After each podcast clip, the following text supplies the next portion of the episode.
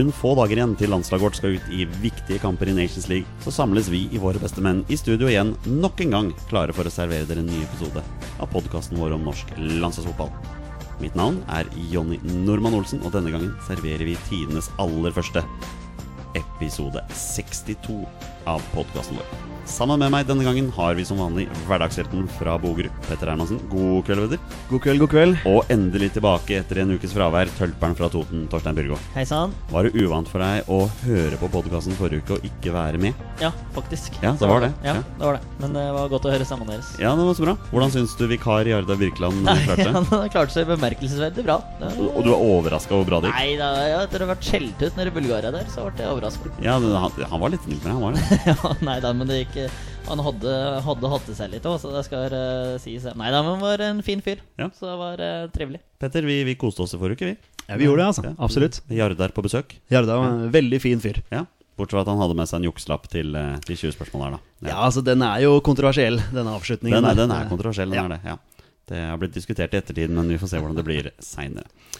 Boys, i dag har vi også fått besøk her i studio. Dagens gjest er student, han er fotballskribent, Barcelona- og Rosenborg-supporter. Han er Messi-dyrker av rang, og ikke minst følger av Norges landslag i fotball. Tobias Storhuste Dale, velkommen til oss.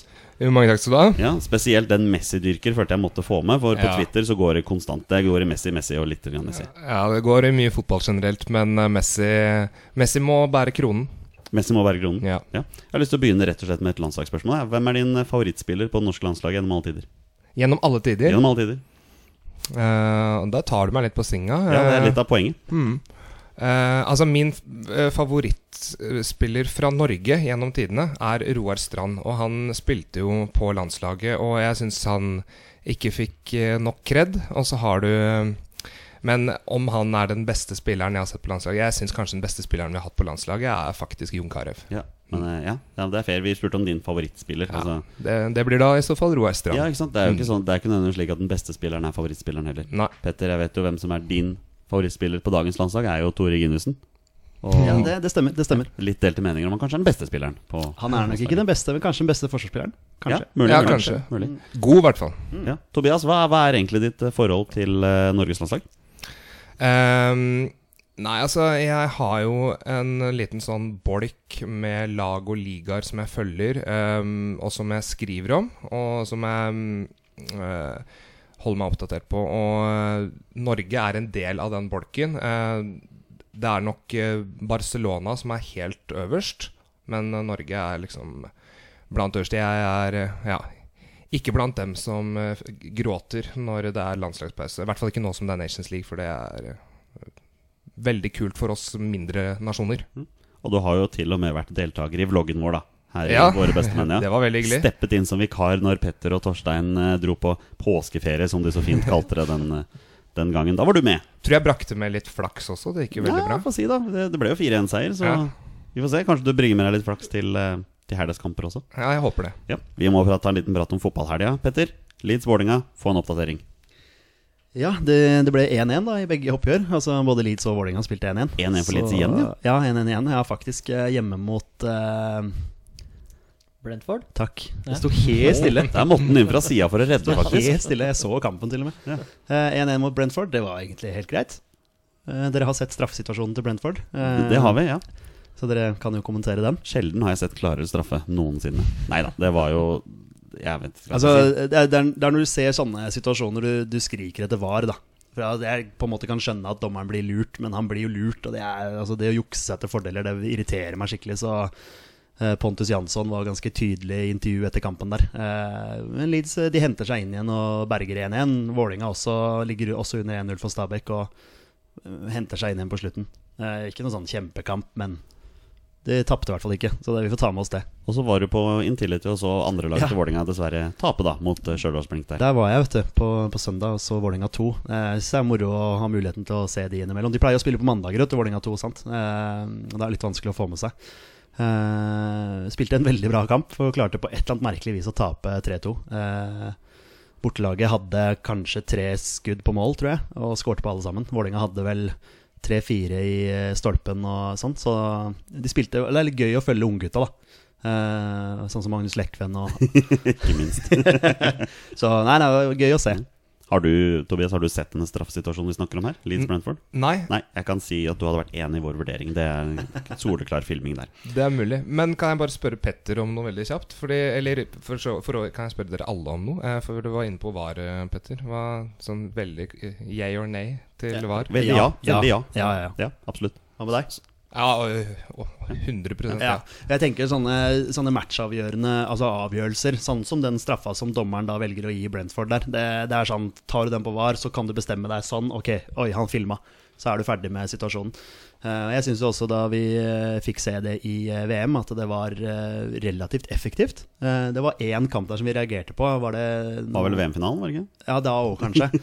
Men det var i hvert fall Hvis jeg husker vi snakka om det. det var vel- Danmark-Australia, mener jeg. Var det det det var? Jeg mener det var i hvert fall Kanskje det er én eller flere kamper da hvor det brukte kanskje unødvendig lang tid. Eh, men jeg syns ellers det var ganske effektivt. VM er så lenge siden nå at du har glemt alt som skjedde der. Og, Ja, faktisk. Nei, men vi er vel generelt for VAR. Du er for VAR, Torstein? Definitivt. Ja. Ja. Eh, Få noen ord da, Torstein. Raufoss. Banka Hønefoss 6-1. Og sendte dem ned. Ja, det får nå så være, da. Eh, Det er noe tragisk som har skjedd med Hønefoss, men det skal ikke jeg legge meg så mye borti. Eh, tabelltopp eh, fortsetter videre veien mot eh, Obos-ligaen. Eh, viktig. Fredrikstad slo Nybergsund nå, men eh, neste helg så er det Odd 2 mot Raufoss, og så er det Fredrikstad mot Stabæk 2. Så det kan bli eh, spennende for videre. Eh, Liverpool 0-0 mot City hjemme. Det er jo den største sensasjonen i hele helga. At, at Liverpools 38-seiersrekke nå blir brutt, altså.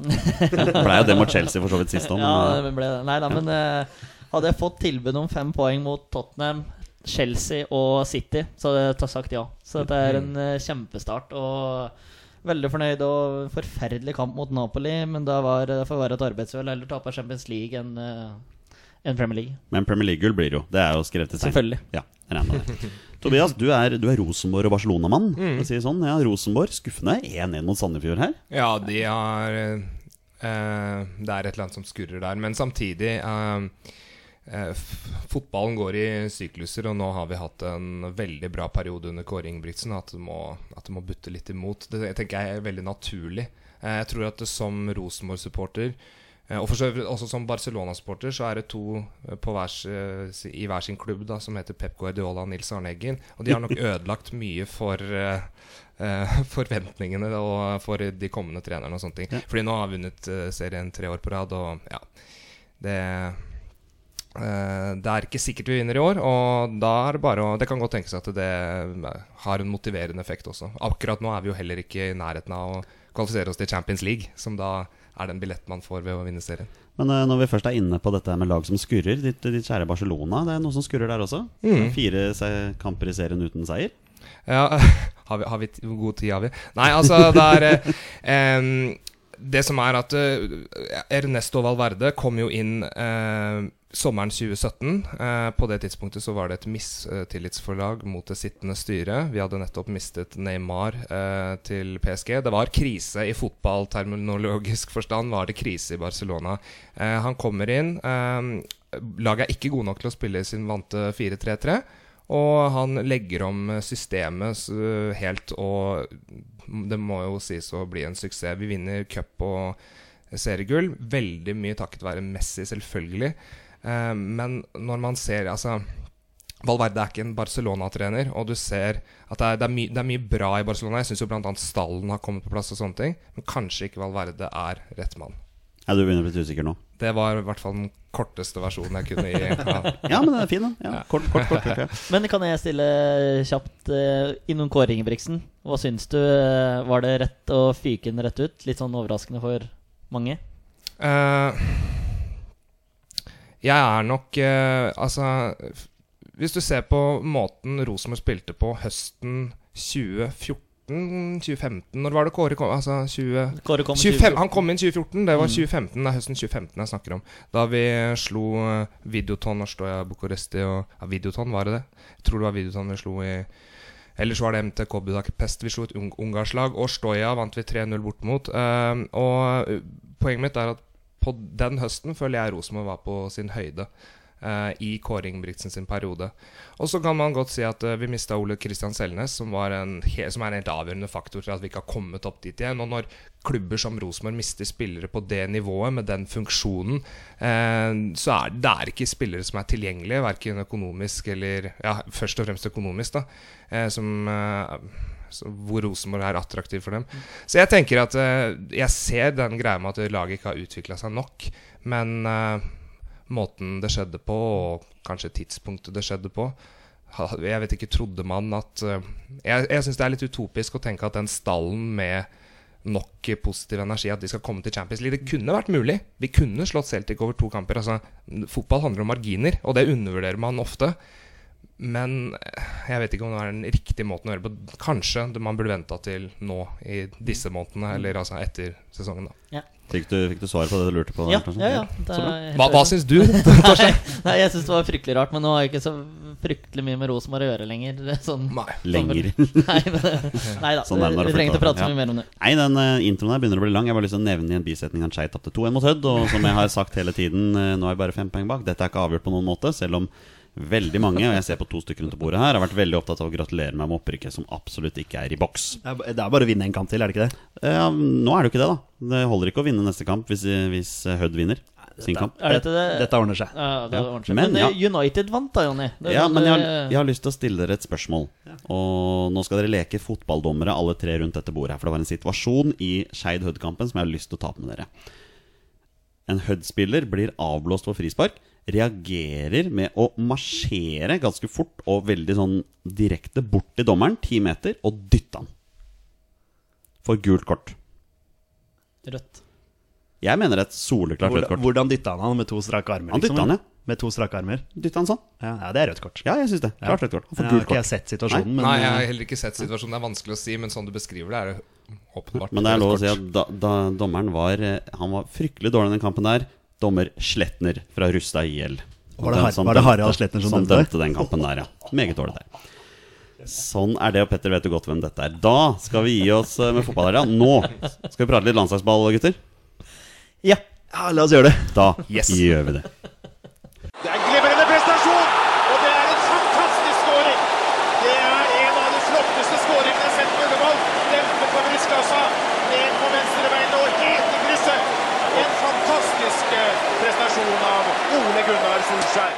All right, boys, det er på tide å snakke litt landslagsball. Og det har skjedd fryktelig mye rundt landslaget vårt den siste tida. Og jeg har rett og slett lyst til å stille et spørsmål rundt bordet. Har vi nå en forsvarskrise? Ja, Vi har en forsvarskrise. ja det syns jeg. I tur og orden, eh, ikke i tur og orden, men Tor Reginussen meldte forfall i går. Eller var det i forgårs? Ja, forgårs. Ja. Eh, Vegard Forhen har kommet inn der, men allerede er jo Kristoffer Ayer ute med skade. Håvard Nordtveit er suspendert fra første kamp, og Martin Linnes Ikke Martin Linnes, Birger Meling er også ute med skade. Det innebærer at vi nå sitter igjen med tre midtstoppere. Eh, og vi regner med at allerede er skrevet i stein at Sigurd Rostedt kommer til å starte midtforsvaret. Men hvem vil du ha ved siden av han? Det blir Even Hovland eller Vegard Forhen. Hvem hadde trodd det for et par uker siden? Nei, det er ikke mange som hadde trodd, og akkurat der sentralt har vi, et, har vi en utfordring nå. Hvor ingen av de faste egentlig er med. Rosted har ikke vært fast heller, han er en backup-spiller, men nå føler også jeg at det er hans sin, hans sin tur eh, i køen. Det blir jo litt sånn. Eh, jeg er ganske klar på hvem jeg vil ha ved siden av han, hvis jeg kan få lov til å si det. Ja, det kan du. Ja. Jeg vil ha Vegard Forhen ved siden av. Okay, ja. Eh, Det er fordi eh, når du først har Vegard Forhen med på landslaget, så har du en spiller med en veldig god venstrefot. Veldig god i oppspillsfasen. Og da har du, får du da også en venstrebeinstopper og en høyrebeinstopper. Så jeg tror Vegard Forhen kan være en bra spiller å ha inne. Også en kriger. Kan fighte i motstanderens boks og i egen boks. Så jeg har lyst til å ha han på en måte foran Hovland. Et eller annet sted så sitter Jarde Birkeland og hører på denne poden og er helt enig med deg, for da slipper vi Even Hovland i startervern. Ifølge han, i hvert fall. Torstein Børgo, hvem vil du ha ved siden av Sigurd Rostedt? Vegard Forhen. Du er også helt klar på Vegard Ja, og det er samme argumentet som Petter sier, eh, og en bra ballspiller. Eh, en høyrebeint, en venstrebeint midtstopper. Og det er forventa at vi skal styre eh, to kamper. Nå kommer Tobias med analyse av Slovenia etterpå, så får vi høre om det stemmer. Men, eh, men sånn ut, på papiret så skal vi styre de to matcha, og i hvert fall mot Bulgaria. Fy flate når vi så dem nede der, det var et ræva lag. Eh, så det skal vi høvle over. Eh, Så det var folk som var ute med, i media og meldte at Forhund har så svak fart, men det skal vi ikke bli utsatt for eh, på Ullevål, altså. Tobias, hva tenker du om eh, forsvarsfireren til Norge nå? Nei, denne Altså, som eh, For å referere til ordvalget jeg benytta meg av i stad, det i fotballterminologisk forstand så er det, så er det jo krise. Um, I hvert fall for Norge, fordi det er jo ikke sånn at vi har eh, Pluss altså, alternativet, liksom? Nei, altså nei. også nivåavstanden fra Ayer og Reginussen og, og Nordtveit og ned, den er ganske stor. Men så er det, tenker jeg, jeg um, For meg så er det ikke noe som Even Hovland er så veldig mye bedre på enn uh, Vegard Forhen som vi kan benytte oss av i de kampene. Uh, og så er det jo sånn, vi skal komme tilbake til det, men uh, det er jo det er jo det er ikke bare i Norge det er for- landslagskrise, for å si det sånn. Altså, Slovenia har en ganske, en ganske grov fraværsliste. Og en av de Vi skal komme tilbake til det, men en av de spillerne som de har, eh, som for øyeblikket er under eh, medisinsk oppfølging, han, eh, eh, han er det nok ekstra viktig at ikke spiller, for han er den som har mest tempo og fart i det slovenske angrepet. Og kanskje faktisk den spilleren jeg frykter mest, selv om det ikke er den beste spilleren til Slovenia. Hvem det er? Nei, jeg kan si det er Benjamin Verbic. Mm. Jeg har ingen anelse om hvem Benjamin Verbic er, men jeg regner med at vi får høre om det etterpå. Ja, altså Jeg gleder meg jo. Det er jo fint å ha med Ja. Tobias, som har eh, mye kunnskap her. Vi, eh, vi kjørte jo en eh, Twitter-avstemning i forhold til hvem vi lurte på Vi lurte rett- og slett på hvilke, hvem våre følgere ville skulle være i Midtforsvaret. da 56 eh, svarte Sigurd Rostedt og Even Hovland. Mens eh, 30% svarte Sigurd Rostedt og Vegard Forhund, mens kun 14% ville ha Even Hovland og Vegard Forhen. Så her er vi jo mindretall, da. Det er jo Over halvparten ønsker tydeligvis at eh, Even Hovland skal få sjansen her. Um, et argument for eh, at uh, Forren og Hovland skulle spille sammen, er jo at de har spilt sammen før. Men det er jo samtidig en stund siden. Jeg vet ikke helt hvor godt den eh, Altså Det måtte i så fall vært det eneste argumentet til at de to skulle spille sånn jeg ser det. da Men eh, jeg tror det begynner å bli såpass lenge siden at eh, Og så tror jeg Roste det er ganske mye bedre enn eh, Hovland. Nå har ikke jeg sett han eh, match etter match i Belgia, for å si sånn. Jeg har ikke sett han spille en eneste kamp. Men eh, eh, han eh, spilte jo mot Albania og gjorde en eh, bra opptreden. Skåra mål, gjorde han nå. Det gjorde han nå. Ja. Det er jo Sigurd Rosters sjanse nå, Petter. Ja, han skal spille. Jeg blir veldig overraska hvis ikke han får muligheten nå. Ja, Det gikk jo ikke så bra med han nå i helga. da Tapte jo 5-1 mot Sander Berge og Genk der. Og ikke minst, det medførte at uh, hans uh, trener har fått sparken. Ja, det er såpass, ja. Ja, Så Ja. treneren til Sigurd Rosted er borte, så nå kommer en ny trener der etter hvert. Den er stygg, den 5-1 der, altså. Det Den ikke, er litt stygg. ikke bra når du er midtstopper. Nei, nei. En annen mann som også har meldt forfall til troppen, er Sten Grytebust. Og det medfører at eh, André Hansen blir en såkalt hjemmesittende reserve. Det vil altså si at vi, vi rett og slett går til disse kampene nå med to keepere istedenfor tre. Og da har jeg lyst til å stille et nytt spørsmål. Eh, Det faktum at nå istedenfor å kalle inn en tredjemann velger å gå for en hjemmesittende reserve, det tyder vel på at alternativene ikke er gode nok? Ja, rett og slett. sånn. Ja, ja, rett og slett. Uh, man kunne selvfølgelig kjørt en sånn der eh, Jeg håper å si juniorgreie, som de gjorde med Mathias Dyngeland. Hadde med Dyngeland. Ja, han, er ikke, han er ikke junior, da, men du skjønner hva jeg mener. Han, uh, for å være med og hospitere og Men altså, hvem skulle du hatt med? Det jeg vet ikke. Men uh, U21-landslaget spiller jo også kamper, så du kunne ikke tatt noen derfra. Men eh, sikkert en helt fin løsning. Sannsynligheten for at André Hansen må kalles inn, er jo ganske liten, egentlig. Veldig liten, vil jeg tro. Så det er vel en grei løsning. Kan jeg, kan jeg komme med en liten fun fact? Det kan du. Um, da Norge deltok i sitt første VM-sluttspill i 1938 i Frankrike, da hadde de jo en eh, landslagstropp på ja, en normal størrelse. Og da var det bare 14 som reiste ned til Frankrike, og resten satt hjemme som hjemmesittende reserver. Så det er- kanskje en sånn der gammel tradisjon. Vi, nei, men jeg tenker at det handler Og jeg tror at det der handler veldig mye om å inkludere André Hansen. Mer enn noe annet. Eh, hva er poenget med å lansere en fjerdekeeper på landslaget, da, som, eh, som det blir? Og da vil jo egentlig bli femtekeeper etter André Hansen.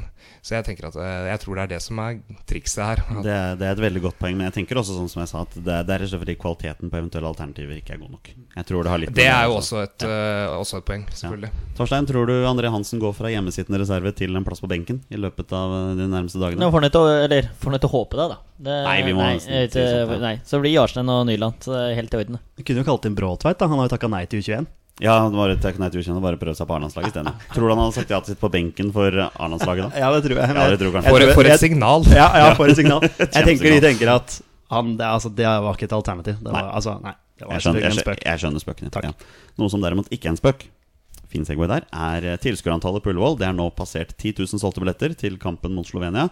Men vi er fortsatt litt under det vi ønsker, Petter. Ja, altså jeg hadde et mål Jeg, et mål om 15 000 Et håp om 15 000 Eh, Det er fortsatt realistisk, det er mulig å få til Eh, De håpa i hvert fall å slå uh, Lagerbäck-rekorden Som var litt over 12 000 mot uh, Tsjekkia Så da får vi håpe på det da Vi får håpe på det. Det blir i hvert fall over dobbelt så mange enn det var mot Kypros. Ja, og 10 000 er jo, ser jo litt penere ut Enn, hva var det sist? 5500 eller noe sånt? Ja, i hvert fall det som ble Det var det som ble annonsert, var antall solgte billetter. Men hvor, hvor mange som var der, jeg tror det var litt under det. Torstein Mørgo, 10 000 tilskuere på Ullevål. Det, det er greit, eller? Ja, helt greit, men jeg er enig med Petter. Vi håper på 15, og jeg trodde det var realistisk òg. Men Det, er jo- jo- det er fortsatt realistisk. Så ja. Det er jo litt fin den TV 2 Vet ikke om dere har sett den TV 2-reklamen for, eh, for eh, kampen Hvor det liksom eh, De norske landslagsgutta håper å fylle Ullevål Ja, men det, det må du få lov til å håpe på. Ja, men det er ikke realistisk. Altså, Nei, det er nok ikke. Såpass må vi si. De blir ikke 27 000 mot Slovenia. Um, jeg var jo inne på i stad med en litt ironisk tone at uh, Nils Arne Eggen og Pep Guardiola var dårlige venner av henholdsvis uh, Rosenborg og Barcelona. Og så har vi jo vi, har vi en dårlig venn av landslaget også som heter Drillo.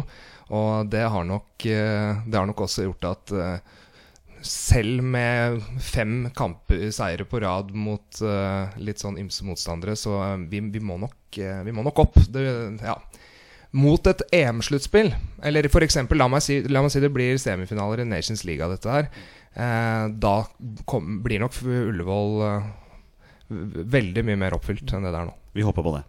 Ja, ja selvfølgelig. Og selvfølgelig tjener de på det at de har satt ned prisene. Det er jo ikke noe, det er ikke noe tvil om. Og ikke minst så er det en kamp som venter igjen på tirsdagen. Da er jo Bulgaria kommet på besøk, og en eventuell seier mot Slovenia vil sannsynligvis medføre at flere tar turen da. Mens, eh, kanskje, men det er igjen det der med litt ugunstig kamptidspunkt. Tirsdag kvart på ni. Det er jo ikke, altså Klokka seks på en lørdag er mye mer gunstig. Men uansett så tipper jeg det kommer flere hvis vi vinner på lørdag. Enn hvis vi La oss bare håpe det. Vi får bare håpe på det. Tobias, du skal straks få lov til å prate litt om Slovenia og Bulgaria. Men før vi kommer så langt, så må vi ta med oss en siste nyhet som kom rett før vi gikk i studio her. Det er jo at Alexander Sørloth nå åpner for å bytte klubb i januar. Han begynner å hinte til at han er misfornøyd med tilværelsen i Crystal Palace. Han selvfølgelig ønsker å spille kamper, og da sender jeg ballen rett over til Petter Hermansen, som har snakket om dette lenge nå. Jeg hadde i hvert fall det som min påstand i forrige pod. Det hadde kan du. hende at han hører på podkasten. Det er lov, det er lov å håpe. og liksom tenkte det at han der Petter, han er ikke så dum, han altså. Nei, men det er jo åpenbart, da. Det er litt som Torstein og jeg prata om i bilen på vei hit også. At det er liksom Noen ganger så, så kan det være at du gjør feil klubbvalg. Altså Så enkelt er det. En, eh, man sier at en fotballkarriere er kort, Uh, og det er ikke verdt det å sitte på benken. Og altså, Han får jo ikke tillit i det hele tatt. Han Han kommer inn de siste ti minuttene og skal liksom utgjøre en forskjell. Det er ikke nok. Han bare stikker fingeren i jorda og sier Vet du hva, det her funka ikke. Jeg trenger et utlån for å få igjen gleden av å spille fotball. Uh, og jeg er litt sånn skeptisk til han på landslaget nå. Uh, på grunn av, jeg, altså, jeg aner ikke hva slags kampform han er i. Og hvor skal han gå på lån, eh, Torstein Børgo? Han går til Nei, men, det, men jeg, vi prater jo på det i bil, så er, eh, nå, nå er det på en måte Nå begynner det å bli nok. For en måneds tid så prater vi på at nå er det muligheter, for nå er Benteke skada. Ayu er fullstendig iskald, har han vært et år nå. Så da er det Nå må han få spille. Og enda så blir det maks et kvarter liksom borte mot Bournemouth. Det er jo ingenting. Så nei, kom det vekk. Nå kan det fort skje noe ting, da. Så det er lenge fram til januar, og desemberprogrammet er jo som det er. Eh, så det kan fort skje ting. Men eh, det, ser, det ser ikke lyst ut, altså. Tobias, det er ikke en eller annen klubb i La Liga her som sliter med å skåre mål og klør etter å få tak i en svær, brautende nordmann på topp der som kan heade inn innlegg? Ja, det Jeg vet ikke helt om Alexander Rødegård Nei, Alexander Rødegård. Jeg tror ikke han passer inn, i hvert Nei, han, han, han gjør det comeback. Alexander Rødegård, da. Han har vært med i 20 spørsmål. ja, ikke sant? Forbundet. Nei, jeg, jeg vet ikke helt om eh, Alexander Sørloth eh, Om eh, La Liga er ligaen som passer ham best. Men jeg tenker jo at han passer bra i ja, Tyskland, Nederland òg, for så vidt. Selv om han ikke fikk det til så bra i Groningen. Men ja Um, Nei, det, det, er, det, er vanskelig å, det er vanskelig å si. Og det er også vanskelig å vite når timingen er riktig. Når du skal uh, gå til klubbledelsen og be om å bytte klubb. Solskjær, og det er utligning! Det er utligning! Takk, Ole Gunnar Solskjær! 37 minutter! Da er det på tide å kjøre på videre her, og nå Tobias Storesudale, nå skal du fortelle oss litt om lørdagens motstander, Slovenia. Du har virkelig gått i dybden her for å analysere lørdagens motstander. Hva, hva, hva veit vi nå om Slovenia? Eh, bare for å ta sånn raske, harde fakta først. Ja. Dette er et eh, land på rundt to millioner innbyggere. Eh, de har, eh, var jo en del av Jugoslavia fram til 91.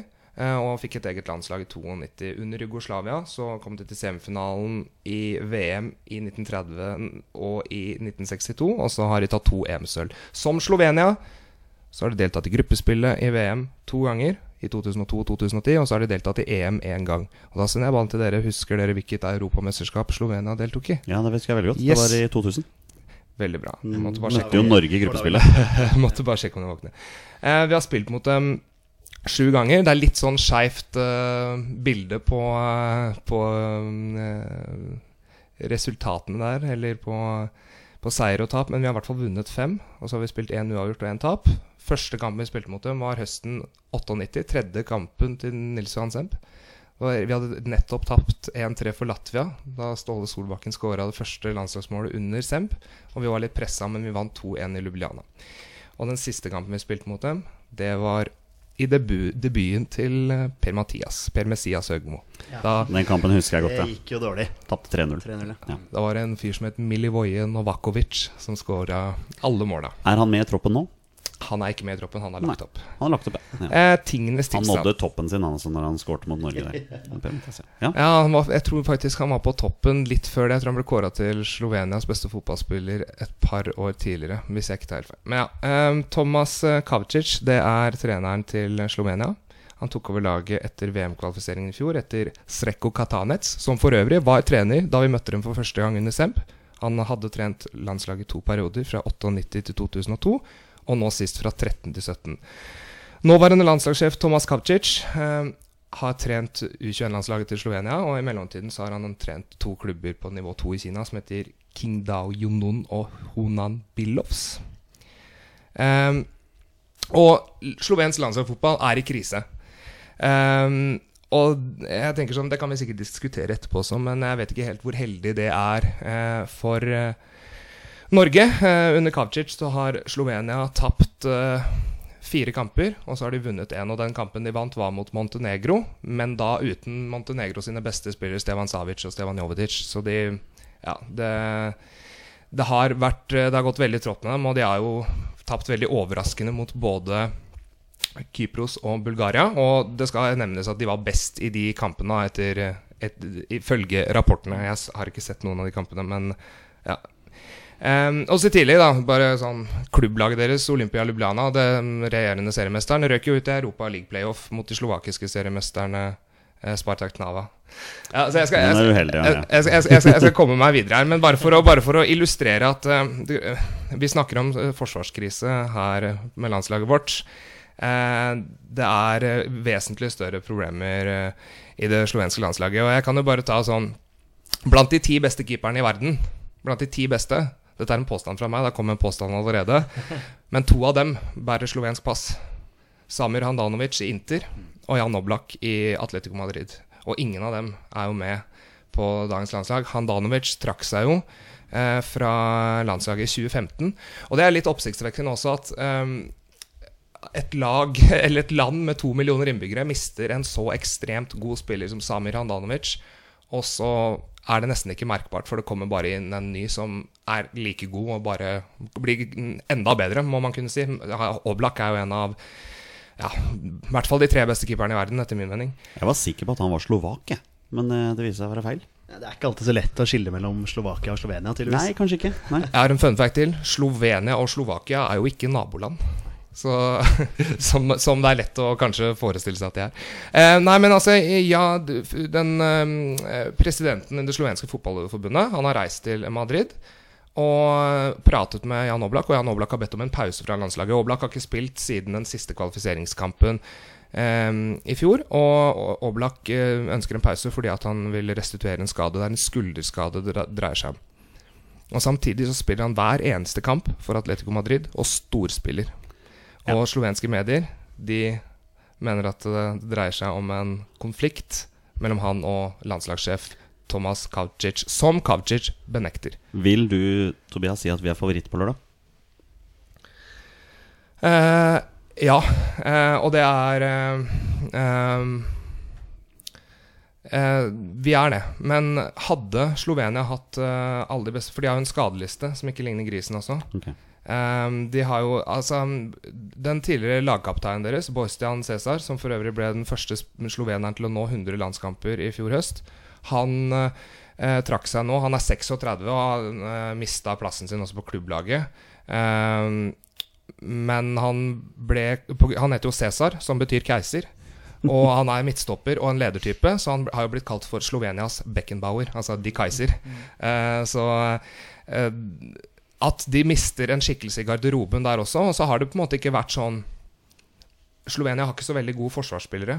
Og hvis du ser på de offensive spillerne til Slovenia, da, som jeg nevnte kort i stad, Benjamin Verbic, så han er han ute med en hamstringsskade. Han er under medisinsk oppfølging nå, men en hamstringsskade, det vet vi, det kan eh, sette deg ut eh, ganske lenge. Um, Josip Ilicic, uh, som Jeg vet ikke om du husker at jeg sendte deg en liten video av et skudd. Altså, han har jo et vansidig hardt skudd og er en fantastisk god ballspiller. Og det er sånn Greia med det slovenske laget er at de har ehm, utrolig mye individualister i eh, ekte Balkanånd. Det er jo en del av Stor-Balkan. Og at de eh, Og en av disse, en av, en av de beste spillerne til Slovenia, Kevin Campbell, han spilte jo nå i helga for Red Bull Leipzig mot Nordenberg. Og kom på, Han spilte én omgang før han ble bytta ut. Kom på rundens lag i kicker og fikk eh, karakteren én.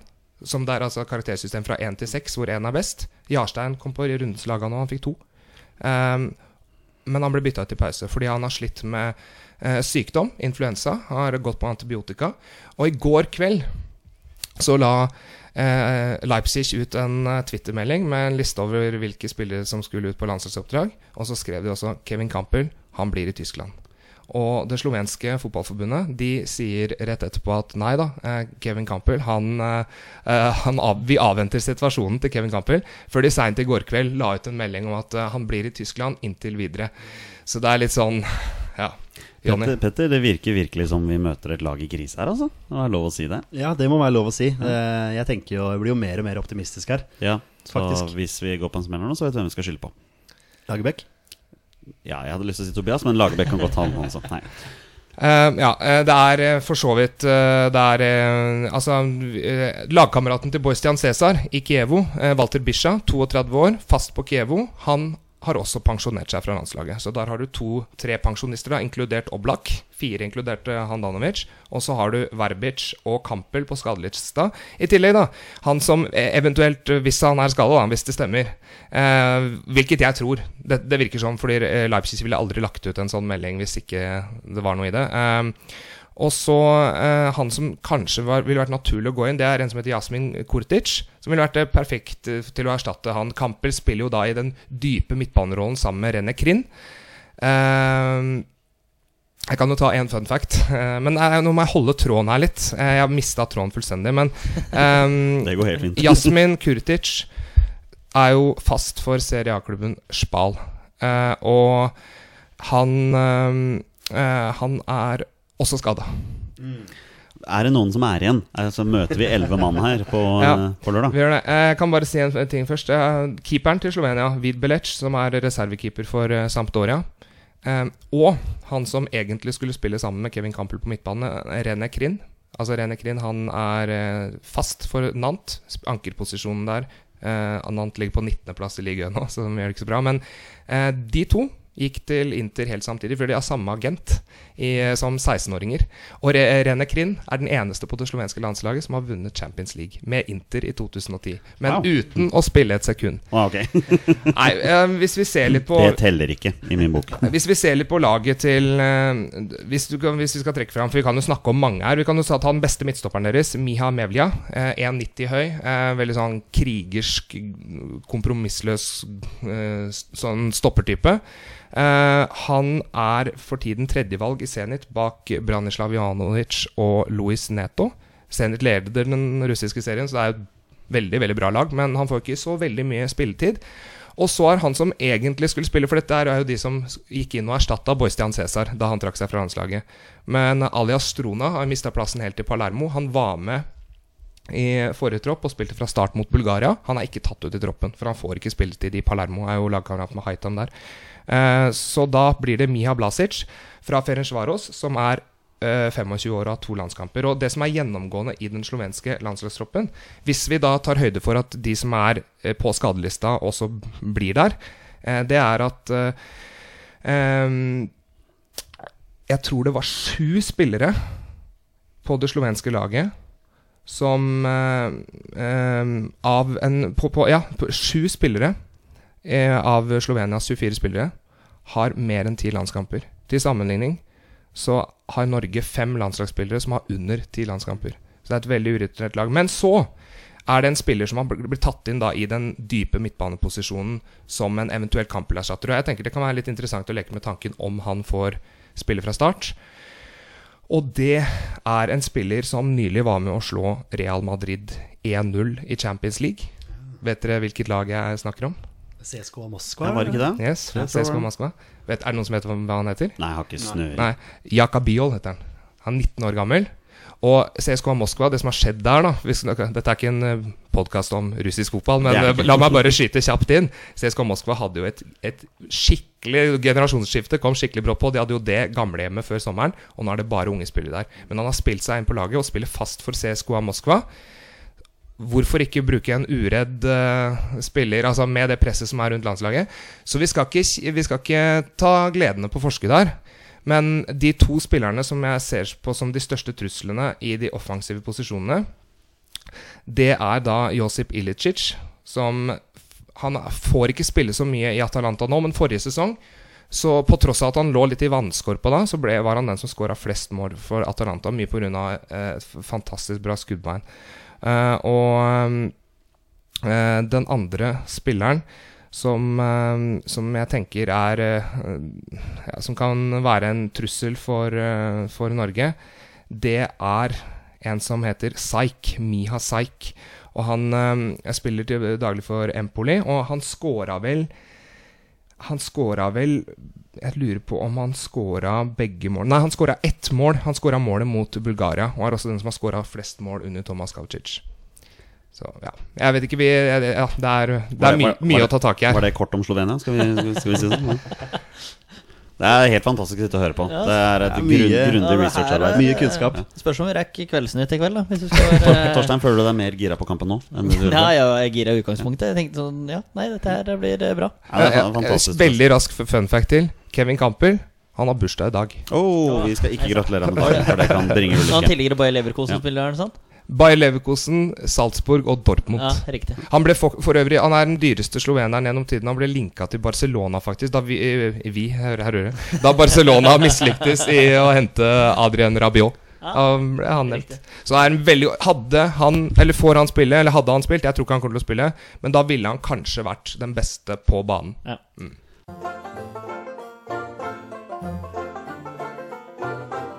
Velkommen til Bjørgås Hate eller Tape med meg, Torstein Bjørgo. All right, mine damer og herrer. Det er rett og slett bare å sette over til Torstein Bjørgo som med sitt eh, faste segment, som nå skal ha sin andre spalte noen gang. Det er da Heit eller teit med Torstein Bjørgo. Eller du kan få si det sjøl, Torstein, for du, du sier det på riktig måte. Velkommen til Hate eller Tate med meg, Torstein Bjørgo. Ja, det er strålende. All right. Hva har du, hva har du å by på i dag, Torstein? Du tok liksom introen en gang til. Ja, ja. Viktig at folk får det med seg. Hva er heit eller teit med Torstein Bjørgo? Eh, det forklarte jeg ganske greit sist. Eh, hot or not. Eh, enkelt og greit, bare på totning. Eh, Om norsk landslagsfotball. Om norsk Ja, ja. ja. ja. Viktig å få med der. ja skal, ikke, skal ikke bare prate om Raufoss. form for relevans, i alle fall. Ja, blir ikke bare Raufoss og Liverpool. Men begynner du med heit eller teit? Eh, Åssen lege er vi? Er vi Du bestemmer. Kjør på. Ja, vi kjører heit, da. Vi kjører heit. Ok? Nummer én Joshua King. Eh, det er vel ingen tvil. Trenger egentlig ikke å prate sånn fryktelig mye om, om eh, hate. eh, Vel, helt hate, for så vidt, men Joshua King, det sier seg sjøl. nå har han gjort det bra i det siste. Uh, Skåra to mål nå i helga. Framprovoserer det andre gule til Kabasele, midtstopperen på Watford. Han fikk òg Framprovoserte òg gult kort forrige serierunde mot Leicester, West Morgan. Han fikk, ble òg utvist senere i matchen. Så øh, han er, øh, han er øh, en, et aktivum og er helt forferdelig å spille mot, åpenbart, for andre, andre lag. Har et veldig bra samarbeid med Callum Wilson på topp i Bournemouth der, så det er ordentlig, ordentlig morsomt å se. Og sannsynligvis er han en sikker straffeskytter. Han bytter i hjørnet annenhver annenhver match her. Da får vi håpe han tar med seg noe av det Noe av spillegleden sin til landskampen. Ja, ja, definitivt. Det tror jeg han kommer til å gjøre òg. Eh, nummer to eh, på Hate, Kristoffer Sakariassen. Eh, det, er, eh, det er på tide nå. Hvis vi legger til side eh, Eliteserien litt, da. Det har jo vært gått ganske trått for Sarpsborg der. To mål i Europaligaen eh, mot eh, Genk nå i midtuka. Den matchen så jeg etter, men eh, jeg har sett mye i reprise. Og hørt fra bl.a. dekk som har sett matchen. Han skårte én, eller? Ja, ja, ja, men han putta jo to mot Besikta, så. Ja, der. det. Så to til sammen. Eh, flyg som en gud. Perry sa tidligere i uka at de har øyet åpna, at han er på bruttolista. Uh, Stemmer det, han er på bruttlista. Ligger vannskorpa til å komme inn. Uh, spørsmålstegn ny mann inn i troppen etter hvert, har jeg satt eh, der. Så da Så, så jeg må spørre, så, så, dere, så, så dere rundens lag i Europaligaen som Uefa-lag? Ja. Det gjorde vi, vet du. Ja. Da var det, hadde du Leandro Paredes, eh, Sokratis Papastopoulos, som han heter, og Kristoffer Sakariassen. er godt, selskap der, altså. Ja. Det er helt vilt, da. Ja, det, det er kjempegøy. Tror du det er fett, eller? Spille på Nessotra for to år siden! Fy søren. Ikke et vondt ord om Nessotra, altså. Nei. Nei, nei, nei, men fotball, ass. Det snur. Ja, Ja, ja. ja, ja, men det er det. Det er uh, merkelig. åssen det der er. Det er altså, uh, Vålerenga gikk glipp av Sigurd Rosted. Var det, var det det du pratet på? Brann gikk glipp av Sakariassen. Mm. Gud veit hvor han ender opp etter hvert. Uh, nummer tre. Eh, Kjetil Rekdal. Eh, det, er, det er en landslagsrelevans Ja, er her. Ja, ja, det er, nå er det bra muligheter for start. Altså, nå er det lys i tunnelen. Jeg vet ikke hva dere tenker. det. Apropos Sarpsborg. Ja. Ja. ja, riktig. 1-0-seier der for eh, Kjetil Ja. Rekdals menn. Ja, det er jo litt typisk klassisk Rekdal, da. Ja, det ble jo nesten Det ble jo rundspilt totalt i den kampen, hvis jeg Ja. så høydepunktene Så klarer de allikevel å, å dra i land en seier der. Ja, det er helt- det er helt Rekdal er jo en, en bra coach og bra til å få det beste ut av det han har tilgjengelig der. Det er liten tvil om det. Eh, Så eh, for en jobb han gjør der, altså. Det var derfor jeg meldte at jeg ville ha han som landslagssjef òg. Ja. Men, uh, bare, men, men det var før Lagerbäck, så jeg kan ikke si noe. Men jeg tror det var veldig mange som uh, tenkte at Start kom til å holde plassen da Kjetil Rekdal Det var bare sånn en helt naturlig følelse man fikk, tror jeg. Ja, det kan være. Men det er litt sånn at han får det til i start, men Henning Berg får det åpenbart ikke til i Stabæk. Så, Nei, men nå er de to minutter unna å slå Vålerenga.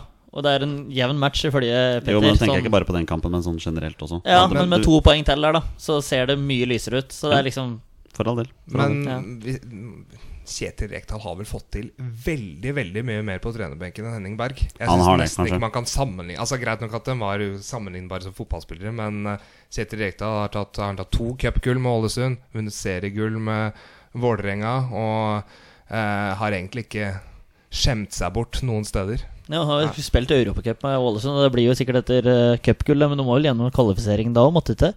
Husker du ikke det? De kom ikke til gruppespillet, men de kom ganske langt. Ja, Ja, ja, okay, Ja, Stemmer det. Ja, De slo ut Ferencvaros fra, Ung fra Ungarn, og så tror jeg de røyk veldig kraftig mot Aset, Aset Alkmaar. Stemmer det. Ja, ok. Ja. Ja, ja, riktig. Møtte, det, møtte Beisty Josie Altidore på topp der. Da tapte de vel 6-1 eller Det var noe noe sånt. ja, det var såpass, ja. Det var, det var heit, Ikke ta meg helt på ordet.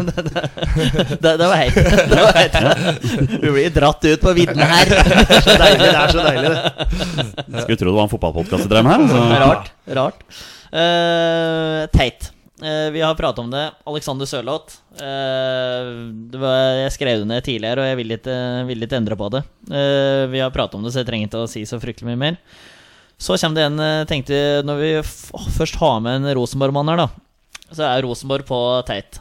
Eh, Hele Rosenborg er på teit. Hele Rosenborg, hele forbanna Trøndelag er med på Nils Arne Eggen, hele gjengen. Eh, Stakkars Ranheim, hva har de gjort galt? Nei da, men uh, det er litt eliteserieformen nå. Og så er det Vi prater litt på det, vi på Facebook òg.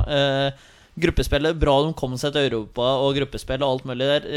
Helt topp. Men sånn som de framsto mot Leipzig nå, eh, å være så sjukt feige som det var borte mot Celtic, der det var åpenbart muligheter det er jævlig skuffa over. Greit nok at det er en tøff gruppe, og det er eh, ditt og datt, men det er andre lag Ja, det er greit, du skal få, du skal få svare snart, Tobias. Men det er eh, Vi har pratet litt på andre laget til Leipzig de møter på Lerkendal, og det er ikke i nærheten av noe som helst. Det er fortsatt et av Tysklands beste lag de møter, altså, Ja, selv om det men, andre er, men, er, men liksom spørsmålet er litt Er nivåforskjellen så sjukt svær? Åpenbart. Ja, det tenker jeg også. Også, også for det første, Andrelaget til Leipzig er ikke det samme som andrelaget til Sarpsborg. Fordi Leipzig har jo råd til å betale for to lag. De ligger på femteplass i Bundesliga. Men jeg tenker også dette med Rosenborg at de har hatt ekstremt mye skader nå denne sesongen. her Jeg kan ikke huske dem har hatt så mye skader. Det er punkt én. Det andre er at Rini Kolen kom inn for ikke så veldig mange måneder siden. Det tar tid å sette et lag. Det tar tid å gjøre liksom eh, hans greie med det laget. Bare se på Ronny Deila og Vålerenga, f.eks. Og noen eh, Du har sånne som Tom Nordli, som bare kommer inn og forandrer ting med en gang. Og så har du andre som trenger eh, tid på byggelag. Du har sånn som Sarri, som gjør det med en gang. Nå ser du Ona Emir i Arsenal. Kommer litt mer gradvis, ikke sant.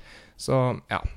Det høres ut som Tobias er uenig i din Nei, nei, vurdering nei, nei, nei, nei, nei. Over, Overhodet ikke. Jeg prøver bare å forklare Men- hva jeg tenker. Men det som er deilig, er at jeg legger opp til at jeg mener det her òg. Det er ikke sikkert at jeg mener det, men jeg må jo få det fram for å skape en diskusjon. Da, Jon. Selvfølgelig må du mene det. Veldig det er din, det er din Men man er jo gjerne litt bortskjemt med Rosenborg òg. Sånn, man er vant til å se dem liksom slå Valencia, slå, altså slå store lag. Altså, hvorfor skal de ikke klare å, å, å fremstå bedre mot, mot eh, Leipzig? Det er jo litt med måten de fremstår på, kanskje.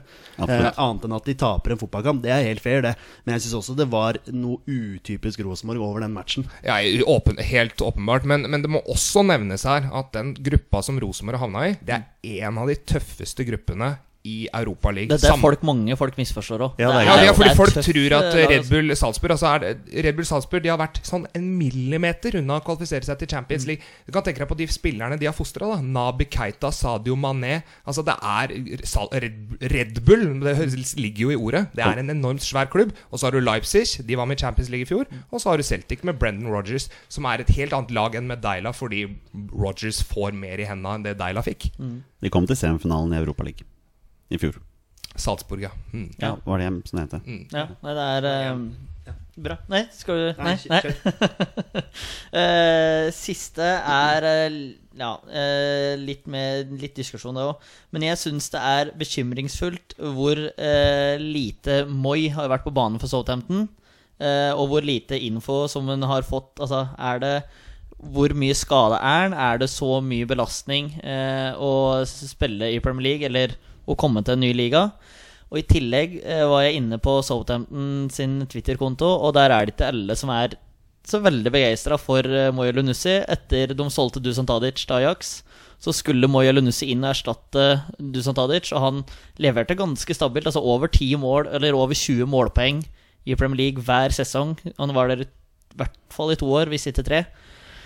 Så det er litt sånn småbekymringer blant Southampton-fansen og blant meg, eller, og, for, og for meg. At det er liksom det er, Plutselig er han bort, ute mot Everton. Plutselig er han ute nå i helga hjemme mot Chelsea. Plutselig er han ikke med til Anfield og skal møte Liverpool. Det er liksom Plutselig så er ting borte, da. Eller er han ute av troppen. Så jeg Ja. Plutselig skårer han to mål mot Slovenia på lørdag, og så er han tilbake i Ja, ja det, det kan også, det også så- skje. Kan. Og så må det jo nevnes at uh, Dusan Tadic Jeg vet ikke om han er 29 eller 30, men uh, Southampton har solgt en spiller som uh, er i, ja, på vei på slutten av karrieren. Eller slutten, altså han uh, Og så har de fått inn en 24-åring som skal inn i ny liga, Mm. og som kommer til å være mye bedre om fire år, hvis uh, han får riktig utvikling. Ja, kanskje. Så, ja, og de, Southampton de har betalt så mye penger for Moel Nossi at de kommer ikke til å vrake Nei, han nei, nei. nei. nei det er bare litt sånn, litt sånn småbekymra er eh, Torsegutten. Og det har du lov til å være. Kanskje få ut han treneren først, tenker jeg. Marcus, Han er dinosauren de har som eh, manager. få inn Alan Pardew, da. Eh, nei, nei, hvis de sparker Mark Hughes nå, så er det Steve Bruce som står på døra. vet vi Hva, hva heter han som trente Wimbledon og eh, Newcastle? Veldig godt poeng. Er det Steve McLaren? Er det han du vil ha inn? Nei, nei, nei, jeg vil ikke, jeg vil ikke ha den. jo, men du han vil sa, ha ja. sa feil navn. vet- helt. Jeg, jeg, vet- jeg har det på jeg vet hvem du mener. Vi kan, vi kan ta det etterpå. Ja, vi tar det er, etterpå. Vi tar en pause. Ja, gjør det. Roger Nilsen. Kjempeskåring! Etter 55 sekunder. Roger Nilsen. All right, vi kjører på videre med podden vår, og nå er vi på påstander, som er vår eh, Jeg kan si det nye spalte, hvor vi da alle rundt bordet her i dagens panel kommer med en påstand om norsk landslagsfotball, som da skal diskuteres videre. Jeg vet at uh, Torstein Bjørgo, du syns dette er kjempegøy. Ja. Ja. Så, så fint. Da skal du få lov til å begynne. Da begynner vi hos eh, Torstein Bjørgo i dag. såpass, ja. vi. Jeg skal jo ikke begynne eh, gjesten. Siden Torstein Børgo insisterer, så sender vi ballen over til eh, Tobias eh, Storeste Dale. Du skal få lov til å begynne Tobias. Hva er din, hva er din påstand?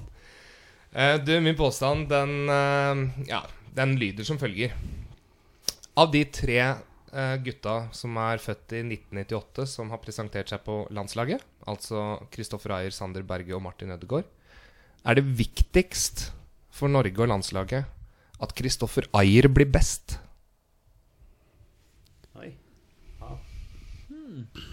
Det er pga. grunn av midtstopper... eh, Ja, det, det er det første jeg tenker, vår. og det må være midtstopperproblematikken å tenke på. Eh, At vi har nok på en måte sentrale midtbanespillere til å velge og vrake i, da, hvis du skjønner hva jeg mener. Altså, Norge er jo veldig gode til å fostre opp midtbanespillere. da Mm. Gjerne sånne små, tynne som ikke har så mye muskler, men som er gode på kunstgress. Så jeg kan være enig i den påstanden. Jeg tenker, jeg tenker at eh, i VM 94 eh, mm, så eh, hadde vi en spiller som vant Kniksenprisen eh, tre, tre ganger på starten av 90-tallet. Rune Bratseth, som var lagkaptein. Eh, etter det så hadde vi Ronny Johnsen og Henning Berg pluss et eh, kobbel med andre. I EM 2000 så hadde vi en Bjørn Otto Brakstad som var helt fantastisk god. Etter det så har vi hatt Brede Angeland. Og i den tyngste perioden vår, som kanskje var under Per-Mathias Høgmo, så var det nettopp mangel på midtstoppere, som var, sammen med spissmangel selvfølgelig, som var et eh, stort problem.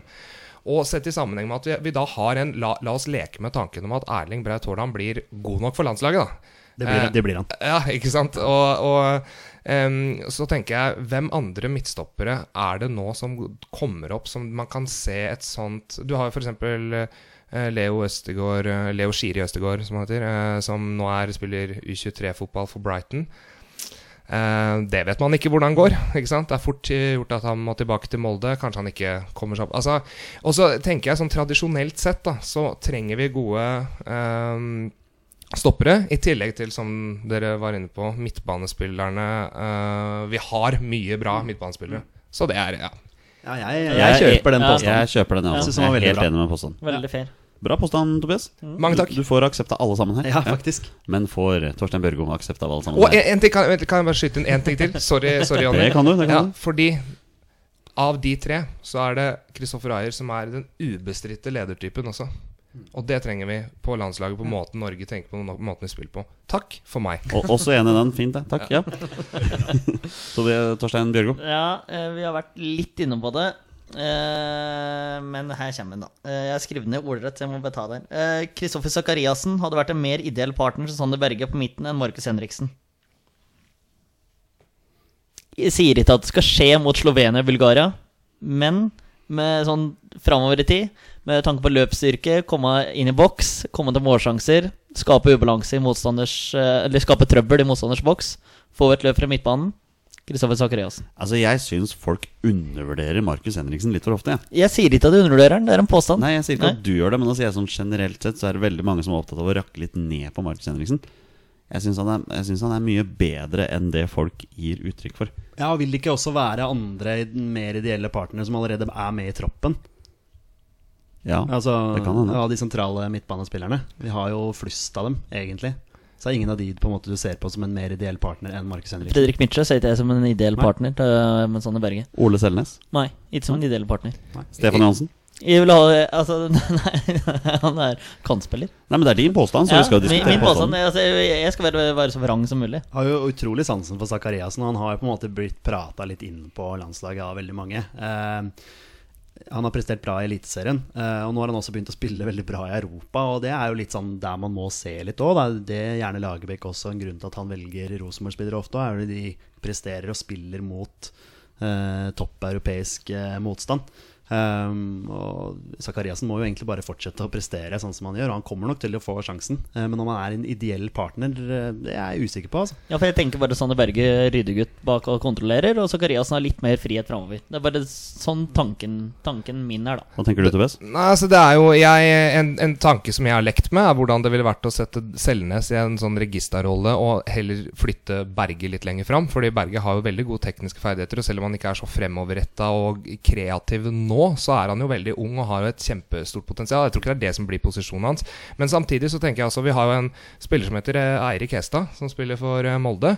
Som altså Fader han for et driv. Snakk om å komme inn i boks, liksom. Eh, han er ikke så Han er litt heit foran den boksen, men Han er ikke direkte målfarlig, nei. Det, Nei, det, det kan han bli. Og, det er, og så tenker jeg, men, men så tenker jeg at det, at det, det å prestere i Eliteserien det er noe, hva, hva, med, hva med Thorsby? Som, han, han, er, altså, han er jo, gjør det kjempebra i den nederlandske æresdivisjonen. Jeg tenker Må kanskje vurdere spillere som spiller på et høyere nivå først. Og vi får stikke fingeren i jorda. Eliteserien er rangert som fem, 25, nei, ja, 25. beste, tror jeg. Be, ligaen i Europa. Så vi har, vi har, så, vi har et eh, såkalt luksusproblem på midtbanen. La disse og, og fortsette Sakariassen og Hestad å prestere sånn, så blir de plukka opp et eller annet sted. Kanskje de presterer der òg, og da tenker jeg da er de gode. For midtbanen til Norge er kjempebra. Ja, det er mange fine alternativer, og Thorsby var inne på han òg. Men Mm. eh, nå er det han er så U21-lokka eh, Men han bøtter jo inn med i æresdivisjonen. Så det er artig å se. Ja, veldig kult. Veldig kul påstand, da. Jeg liker den. Når Ja, ja, Ja da, ja. ja da. Men en fin, eh, fin diskusjon. Eh, men eh, jeg er uenig. ja. Ja, kanskje, kanskje etter hvert. Ja, jeg skjønner hva du tenker. Jævla mange gode poeng med en stryk. Men, det, ja, men, men litt sånn det, det som vi har sett etter også, da, fra den sentrale midtbanen sant, på, på landslaget vi, vi får jo ikke målpoeng fra Sander Berge. Altså, det får vi ikke. Nei, Eh, men ikke vi er, vi er avhengig av å ha en sentral midtbanespiller som også er med framover. Og det skal jo være Markus Henriksen i utgangspunktet. Da. Han har jo ikke levert så veldig mye skåringer. Nei, der er jeg enig. Eh, men at kanskje Zakariassen, da, som ja, har skåra som du sier, to mål i Europa til og med også, sant? Mot, eh, mot bra motstand, eh, er i boksen der og, og putter. Eh, så ja, absolutt på sikt så er han nok en, en het mann. ja.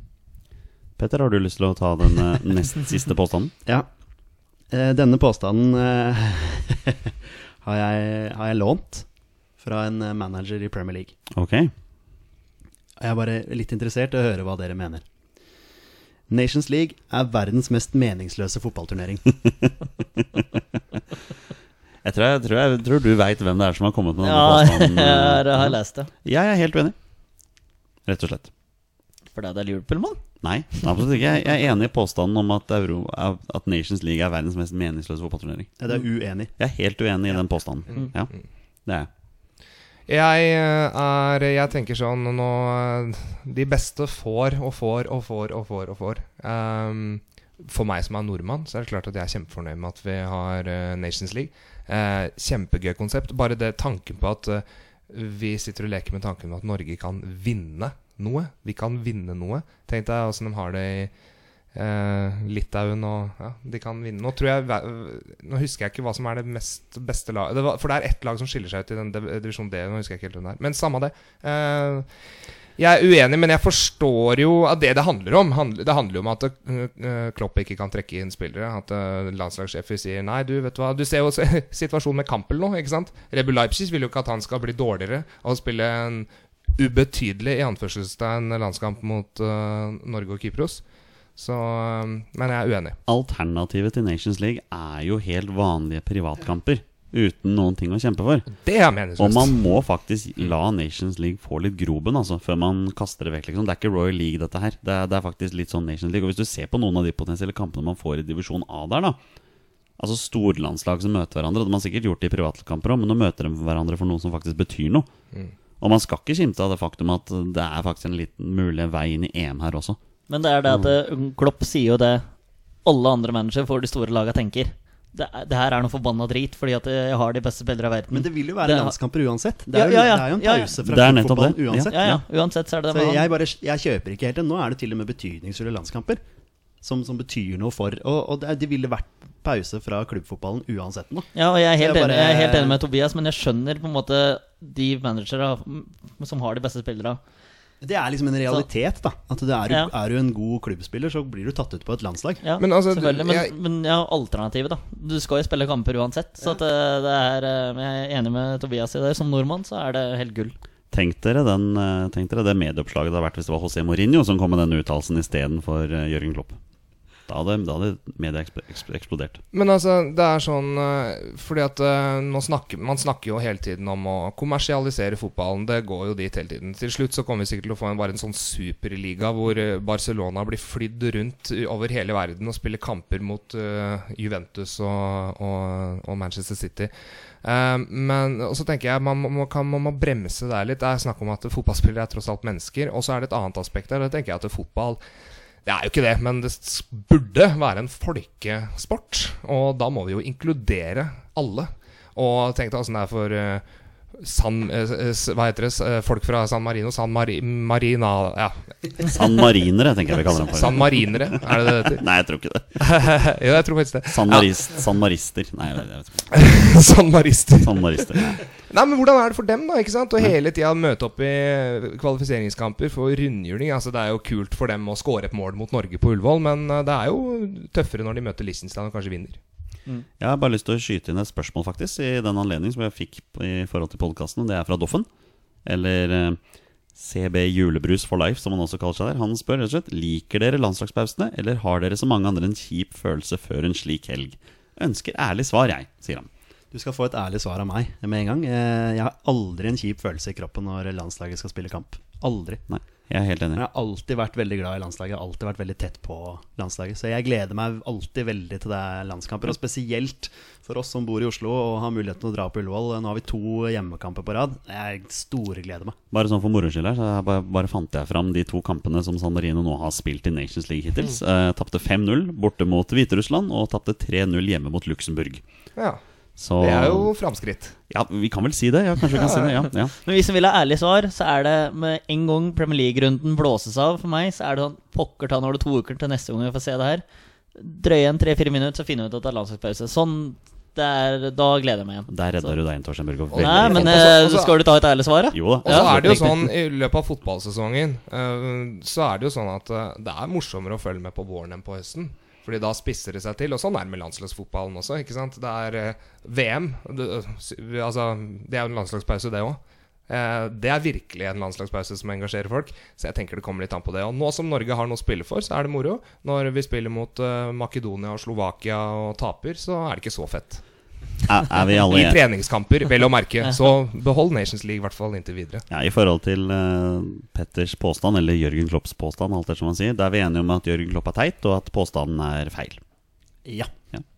Ja, Du har lov til å si det selv om det er Jørgen Klopp. eh, Nei, det har ingenting kan si for meg. Jeg skjønner, jeg skjønner hva han eh, sier, men jeg er uenig. Ja, det er lov å være enig. Ok, Da runder jeg av eh, påstanden med min egen påstand i dag. Er dere klar for den her?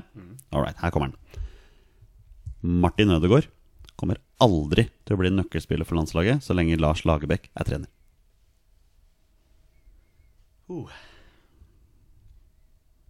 Fikk seg en assist i helgen, så jeg. Men det var ikke for landslaget. Nei, men bare sånn for å bare snakke Martin Ødegaard litt opp, da. Ja, i det systemet til Lagerbäck så er det vanskelig å få plass til eh, Martin Ødegaard. Det er det jeg Eh, tenker på. Og Lagerbäck kommer nok sannsynligvis aldri til å på en måte legge opp sitt system etter spillere. Han vil jo ha spillere som passer til hans system. Og det er vel også en grunn til at Martin Ødegaard nå er flytta ned igjen på, på U21-landslaget, fordi han kommer ikke til å få spille. Så ja, dessverre er jeg enig. Men jeg ville gjerne sett han i den høyre, høyre kantrollen på, på landslaget. Tobias? Jeg mener at Martin Ødegaard må spille i tierrollen, og han passer ikke inn i systemet til Lagerbäck, verken som en hengende spisstype, for da må du jage ballen så mye. Og så passer han heller ikke på høyrekanten, fordi det krever så mye returløp og sånne ting. Eh, men, eh, men samtidig så er det jo sånn at eh, Martin Ødegaard han er eh, født i 1998. Det kan være at Lars Lagerbäck sitter til eh, 2022. Da er Martin Ødegaard 24 år. Det kan være at Martin Ødegaard er så god når han er 24 år, at Lagerbäck er nødt til å finne plass til han. Ja. Men det kan, Så kan det også, vet man ikke. Altså, han er jo fortsatt såpass ung at han er vel Kanskje han er veldig tilpasningsdyktig da, i forhold til å prøve nye roller og sånne ting også.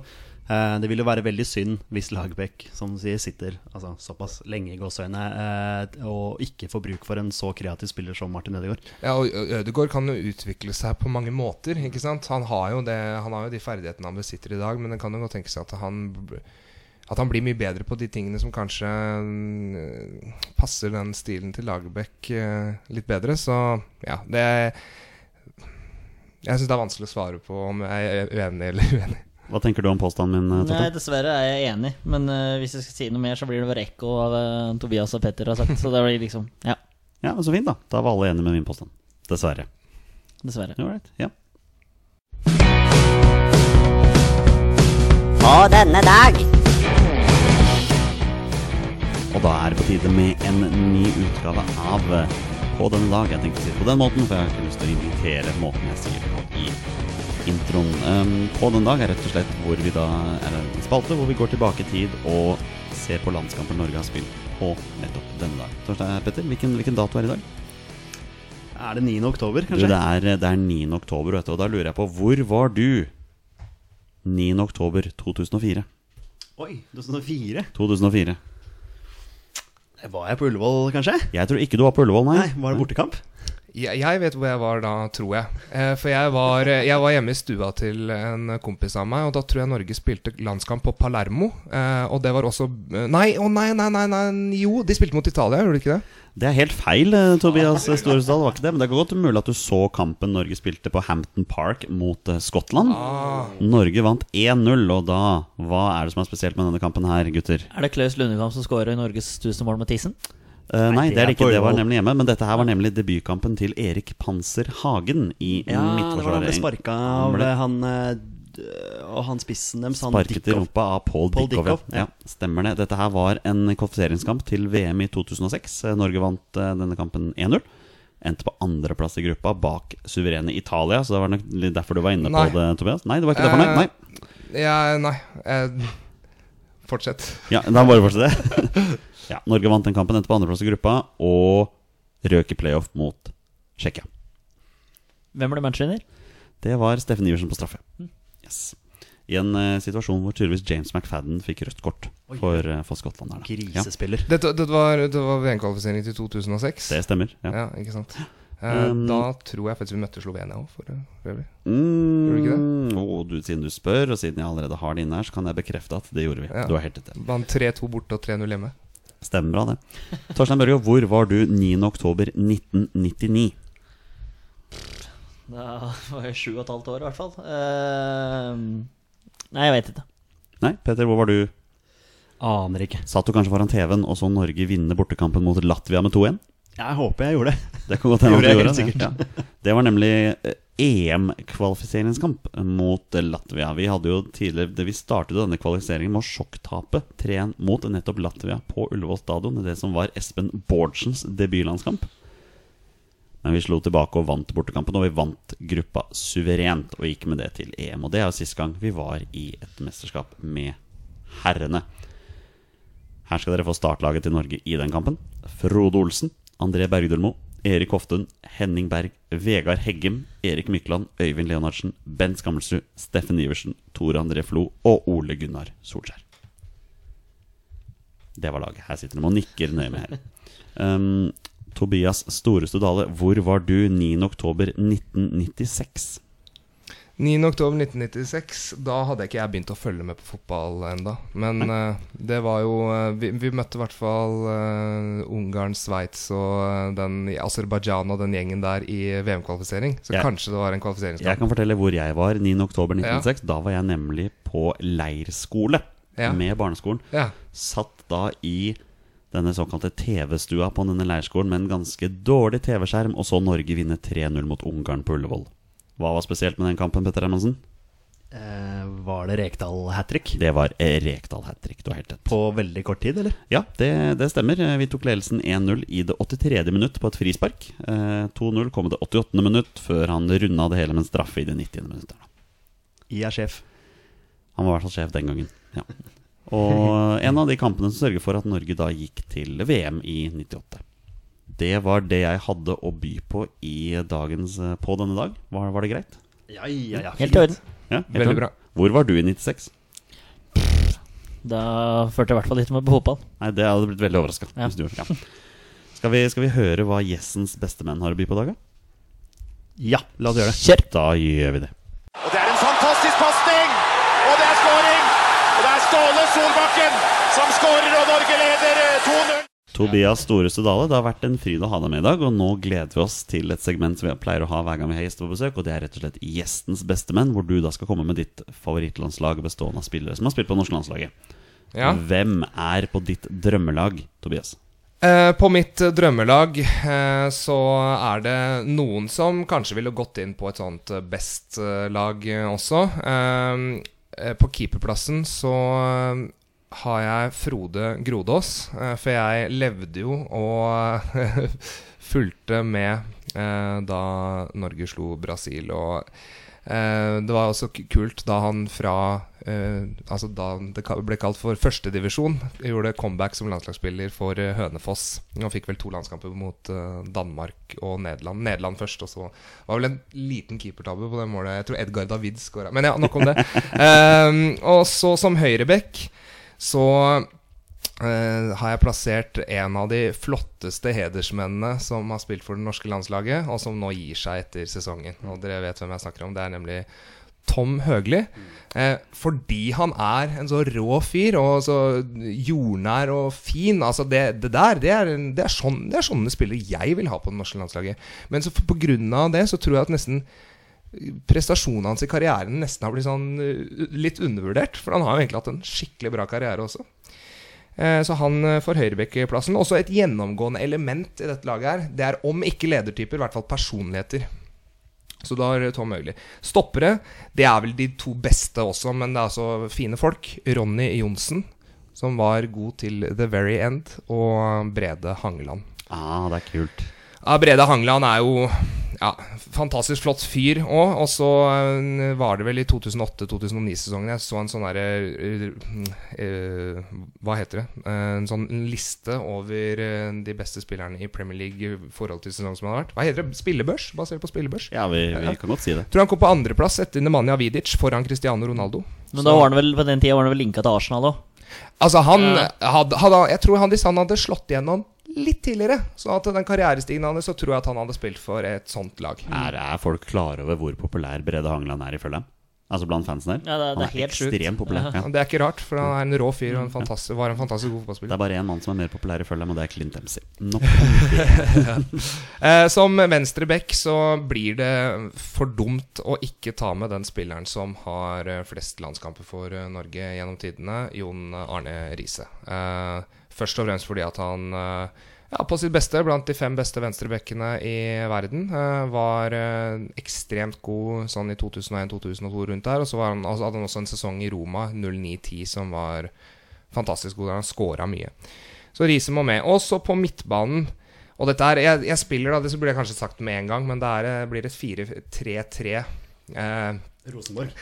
Rinus Mitchells, eh, Pep Guardiola, Nils Arne Eggen eh, Det er den, det er den Tom Nordli. og Tom Nordli, ja. Han var også i tankene. Som en sånn dyptliggende Regista-type. Erik Mykland, den beste midtbanespilleren jeg har sett på landslaget.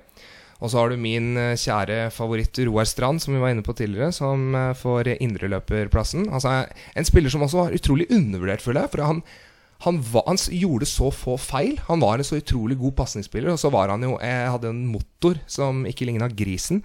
Um, og så uh, på, som venstre breddeholder da uh, En spiller som aldri fikk det til helt på landslaget, men som, uh, som hadde pensjonert seg fra landslagsfotball da han var på sitt beste, nemlig Ørjan Berg. Han eh, må med. Og så, som høyre kant En spiller som kunne fått en utrolig mye bedre karriere, men som er en av mine store favorittspillere. Og som ja, ja, Det var så kult å ha han i Rosenborg en kort periode, og det er eh, Daniel Bråten. Uh, Hey! Hvorfor sier du uh, Jeg er Skeidmann, vet du. Jeg bare tuller. Ehm, Daniel Bråten som venstre kantspiller. Ole Gunnar Solskjær føler han må med på det laget. Og helt på topp, som jeg også var kjapt inne på i stad, kanskje den beste landslagsspilleren jeg har sett. eh, Jon Carew. Du kommer ikke unna Jon Carew. Nei, Han du gjør må ikke det. Det er jo egentlig så enkelt. Ja. Ja, altså jeg så Jeg, la ut eh, på Twitter-profilen min La ut et klipp nå nylig av Uh, eh, I anledning at Fenerbahçe og Besjikta skulle spille mot hverandre, så la jeg ut et klipp av han uh, fra en kamp der. Å, fy flate, han var god. Han var god. Ja, fy søren. Han, han var det. Han var kjempegod. Hva syns du om laget, Torstein? Nei, solid. Jeg, nesten så jeg ville satt opp det samme sjøl. Ja, til og med. Du har tatt med Daniel Bråten også? Nei. Nei, nei, så nesten det samme. altså. Ja, ja, ja, Bare kjenner ut en liten bønn der til Daniel Bråten. Ja. Du, nå er ditt kjære Skeid snart på vei opp hos deg på tide på tide å komme hjem. Å, det hadde vært kult. søren, ja. Kan bidra litt. Ta med. Fredheim Holm i samme slengen. Ja, men ha- er Har ikke Fredheim Holm noe å bidra med i Vålerenga for tida? Ok, fint. Nei, men bra. Tobias, tusen takk for laget. Jo. Ja. Eh, vi begynner å nærme oss slutten her, men jeg tror ikke du har lyst til å gi deg helt ennå. For jeg tror du veit hva som kommer nå. Ja, det er vel, det er vel en sånn quiz-variant. Ja, det stemmer det, vet du. Ja. Vi skal nemlig spille en runde med 20 spørsmål.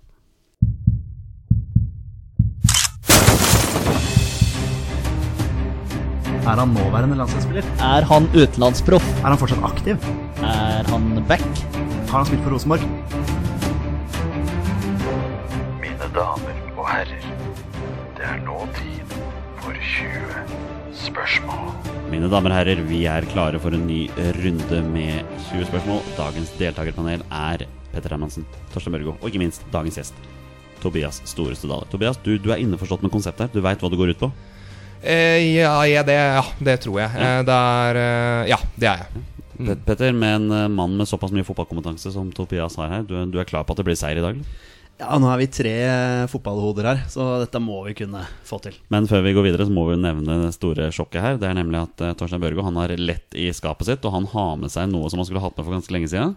Ja, altså det er vel ikke jeg som har leita i skapet. Det er uh, hun jeg bor sammen med, som fant at det er Den, Men uh, hvis du skal, jeg er på ærlig, ærligbølgen her, så det, den, Det- den kommer i helga. Hvem er denne her sin? Nei. det Torstein Børgo Det Torstein Børgo nemlig har med seg i dag, er da oversikten over hvilke spillere som har vært med i 20 spørsmål. Den er ikke helt oppdatert. Det er helt riktig. Nei.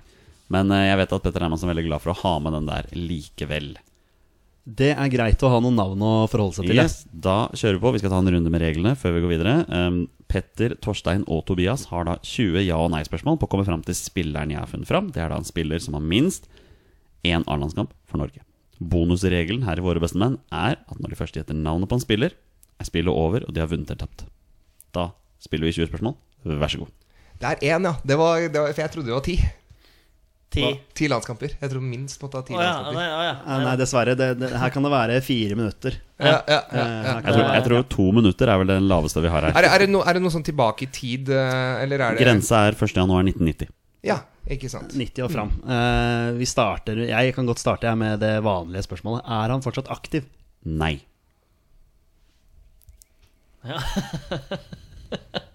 Vi sender den over til Tobias, da. Ja, jeg sender den over til Tobias. Ja, ja, aktiv, skal vi se um, Ikke aktiv. Ja, ja, ikke sant. Har han Jo, jo, jo. Uh, har han uh, har, Debuterte han på landslaget etter år 2000? Ja.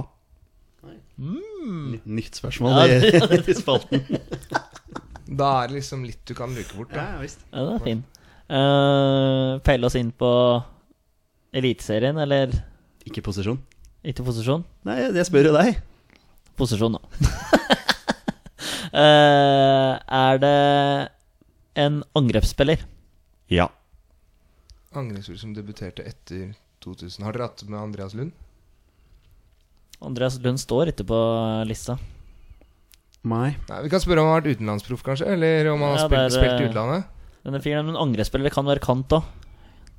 Det er kant eller spiss, da.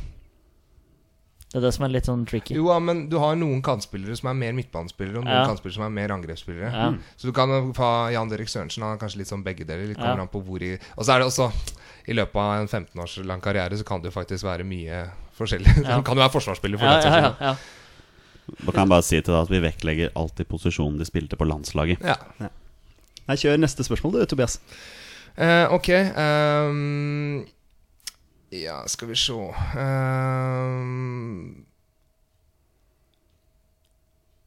Debuterte han på landslaget under uh, Faderland uh, Nei, ok. Um, jeg tar det utenlandsproffspørsmålet. Har han spilt fotball i utlandet? Ja. Ja, nå har vi en som følger Du følger La Liga tett. Ja. Um, vi Der, der har vi hatt én angrepsspiller fra ja, Norge. Ikke sant? Mm. Det er uh, din helt. ja, men det, det må ikke misforstås. Altså. Nei, han er god, glad i Carew, altså, men eh, ja. Har han eh, spilt i Premier League? Nei. Da er det ikke Jon Carew. Ja, og ikke Andreas Lund heller. Bare Nei. sånn for å, ja. Nei, bare sånn, ja. Mm. Han har ikke spilt i Premier League. Den er grei. Um, Hører om han er mest kjent for utenlandskarrieren sin. Men er ikke, er ikke det litt, kan ikke det være litt udefinerbart også? Eller pleier dere å får Ja, dere... de, har, han, de har stilt et spørsmål noen ganger før, og da er det litt opp til meg å svare, da. Ja, Så, ja, ja, da får vi lese, lese. Spør om det. Torstein. Er han mest kjent for utenlandskarrieren sin? nei. Nei. Greit. Da er vi Har dere hatt Torstein Helstad? Eh, Nå ser de ned på lista, Ja. alle sammen. ja. Ja. Ja. Det er ikke, vi har hatt 100 navn her, da, Ja. i hvert fall 62. Det er liksom når Thomas Sørum står der. Jeg blir eh, ja. Ja, for, for, for Andreas Lund, når jeg tenker meg om, han tror jeg debuterte før eh, år 2000. ja, men det er ikke han uansett. Nei, nei, nei, nei men jeg bare, bare Ja, sånn Men, men da er han, sånn, altså, der er han jo mest kjent for eh, tida si i Norge, da. Ja. Mm. Eh, har han spilt for en nåværende eliteserieklubb? Ja. Han har i hvert fall vært i en av eliteserieklubbene som er her nå. Ja. Da har vi 16 stykk. Om vi skal peile oss inn på Vi skal, vi, skal ikke spørre om han region. har, vi skal ikke spørre om han debuterte for landslaget etter 2010 også, da. Prøv. Ja, ok. Eh, debuterte han for landslaget etter 2010? Du har jo allerede spurt om han debuterte på landslaget etter 2000. Ja, men også Da får vi skrive Ah, det. hva var det jeg tenkte? Uh, nei. Nei, så Nei. det er en gang mellom Så, det- ja, 2000 og 2010. så da veit vi liksom ja. litt hvilken epoke. Det er ikke en sånn Nå skjønte jeg hva du mener. Ja, ikke sant? Det er ikke sånn nyere landslag. Nei, ikke sant. Så det, vi har en eh, midt på 2000-tallet, kanskje, da. Men da kan vi utelukke noen eliteserielag allerede, da, eller? Kan vi gjøre det? Eh, ja, nåværende. Eh, Lyn Ja. var jo oppe, for eksempel, på den tida. Ja, der. det er jo Eh, noen så- som kommer igjen, da. det, det er ja, jo Han kan jo ha spilt for dem allikevel. Altså, Han har i hvert Ja. fall spilt for Ja, én jeg- nåværende eliteserieklubb. Riktig.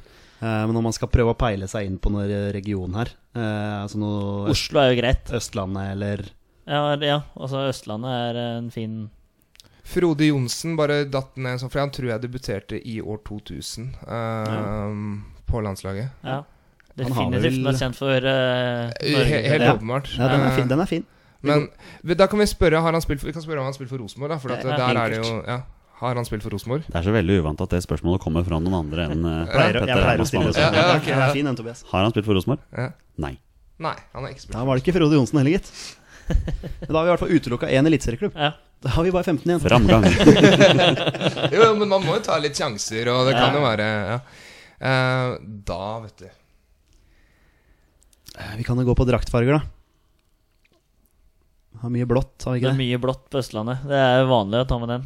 Men har vi spurt om Østlandet nå? Nei, Nei, men da utelukker vi i, eh, i spørsmålet. Kan du gjøre. Skal jeg Mm. nesten si. Um, skal jeg prøve meg på Prøv den, blå, tenker du, eller? Prøv det blå, ja. Har han spilt for en eliteserieklubb med blå drakter? Nei. Der utelukker vi mange. Det er ti spørsmål, så nå er dere halvveis. Der utelukker vi Molde, eh, Stabæk, Sandefjord, Vålerenga, Sarpsborg, KBK.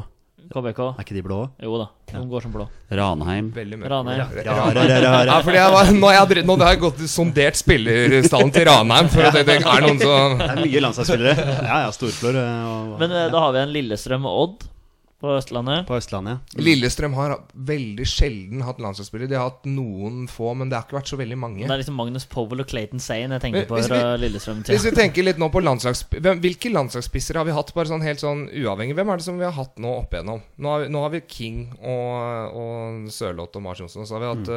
en Kamara, og så har vi før det Diomande. Men de er, de er nå nylig. Men på, på 2000-tallet så hadde vi Jon Carew, som spilte de fleste kampene. Hvem var det som kom inn for han?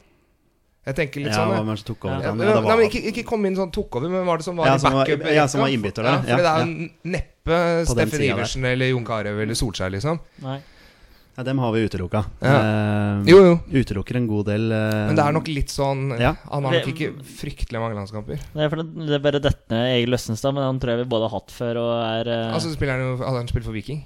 Ja, Som har sant, blå ja. trøyer. Ja, altså, det, og Jostein Flo har Ja. spilt for uh, Strømsgodset, Ja. som har blå trøyer. Men han debuterte jo på 90-tallet, og det gjorde Østenstad også. Ja. Men uh, ja. Ja, det er bare viktig å bare Ja, nevne Dere, har- dere har jo ikke spurt om hvor mange landskaper han har. Nei, det har vi heller ikke eh, stilt. Skal vi spørre om han har mer enn ti landskamper? da? Ja, ok, Har han mer enn ti landskamper? Ja. Ok, ikke sant? Ja, men Da begynner vi å peile Han har jo spilt litt, da. Så han har, han har Kan jo ha elleve, selvfølgelig. Men eh, Jo, jo, kan jo, opp. jo men, men, men, men ti landskamper, det er, et, det er et ganske greit antall, det. Altså. Da har du fått uh, prøvd deg litt. Uh, da har han Han er mest kjent for karrieren i Norge. Det kan jo være litt sånn Han har spilt i utlandet, det må vi også huske på. Det er en spiss det dreier seg om. Mest sannsynlig. Men uh, ja, gammel er eh, Det er jo fanka meg i mange år siden, 2010. Markus Pedersen, bare. Men eh, han er aktiv. Han er aktiv. Den er god. Hei, Jardar Birkeland. Jardar. Hei, Jardar. Nå Ja, men- dro du ved smilebåndet nå. Ja, det er bra å komme med Ja, navn. fy det bare- det, gle- det glemte jeg nå. At han ikke var aktiv. Så ja. Hvem? Nei, han, han vi skal komme fram til. At, Å, ja, sånn, ja. at han ikke er uh, aktiv. Det var, det var det første spørsmålet dere stilte. ja, ja. Nei, liksom at, Jeg trodde jeg mente at Markus Pedersen ikke var aktiv. Men, Ja, eh, det kan er- jo virke sånn på, i, i Eliteserien, men eh, nok om det. Hva veit dere, boys? Ja, han har over, han er over ti landskamper, han her. Han er ikke aktiv, han er en angrepsspiller. Eh, han spilte på landslaget en gang mellom 2000 og 2010. Og ikke spille for et lag med blå drakter. Skal vi finne klubben, eller? Ja, prøve å finne en klubb, Ja. rett og slett. Ja. Eh, da har du altså, ingen av de blå Han har ikke spilt for en klubb i Eliteserien med blå drakter. Eller Rosenborg. Eller Rosenborg. Men om det da er de nåværende eliteserieklubbene Mor- Morten, Morten Målskred. Han er ikke aktiv og debuterte på 2000-tallet. Og han, eh, Han har spilt for Rosenborg. han har spilt for Rosenborg, naturligvis. Som jeg glemte at vi hadde spurt om. Ja, ja, ja men Jeg skulle ikke sagt det, jeg skulle bare latt dere jeg- nå tenkte, nå tenkte jeg bare blå, nå tenkte jeg blå Ja, trøyer og sånne ting. Jeg prøver liksom å Men, men fordi Morten Målskred jeg, Nå veit jeg ikke hvor mange landskamper han har, men at han, han hadde nok ikke ti. Men at han hadde over fem, det kan jeg forestille meg. ja, Ja, kanskje. Men det er ikke han. Dere vet jo at han har over ti landskamper, den spilleren. Jo, ja, ja, det, det er sant. Jeg bare, re- nå bare resonnerer jeg høyt her. Mm. Så han ville nok ikke vært uansett. En angrepsspiller Brann har jo vel hatt noen Ja, det er, eh, angrepsspillere, kanskje? Torstein Helstad, selvfølgelig. Men uh, han har jo vært innom. Uh, Ja. Så er Bengt Seternes. Han har vært i Vålerenga. Han har vært i Vålinga, så han eh, passer ikke inn der sånn sett. Um, jeg har litt lyst til å finne noen eliteserieklubber her, ja. Start, da.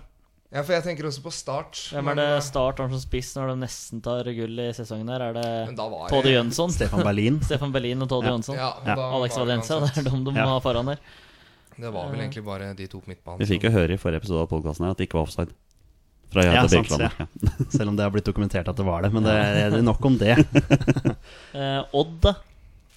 Odd. Torgeir Børven har ikke over tid. Han har vært i Han er- han er aktiv. Han er aktiv. Aktiv. Hei, Jardar.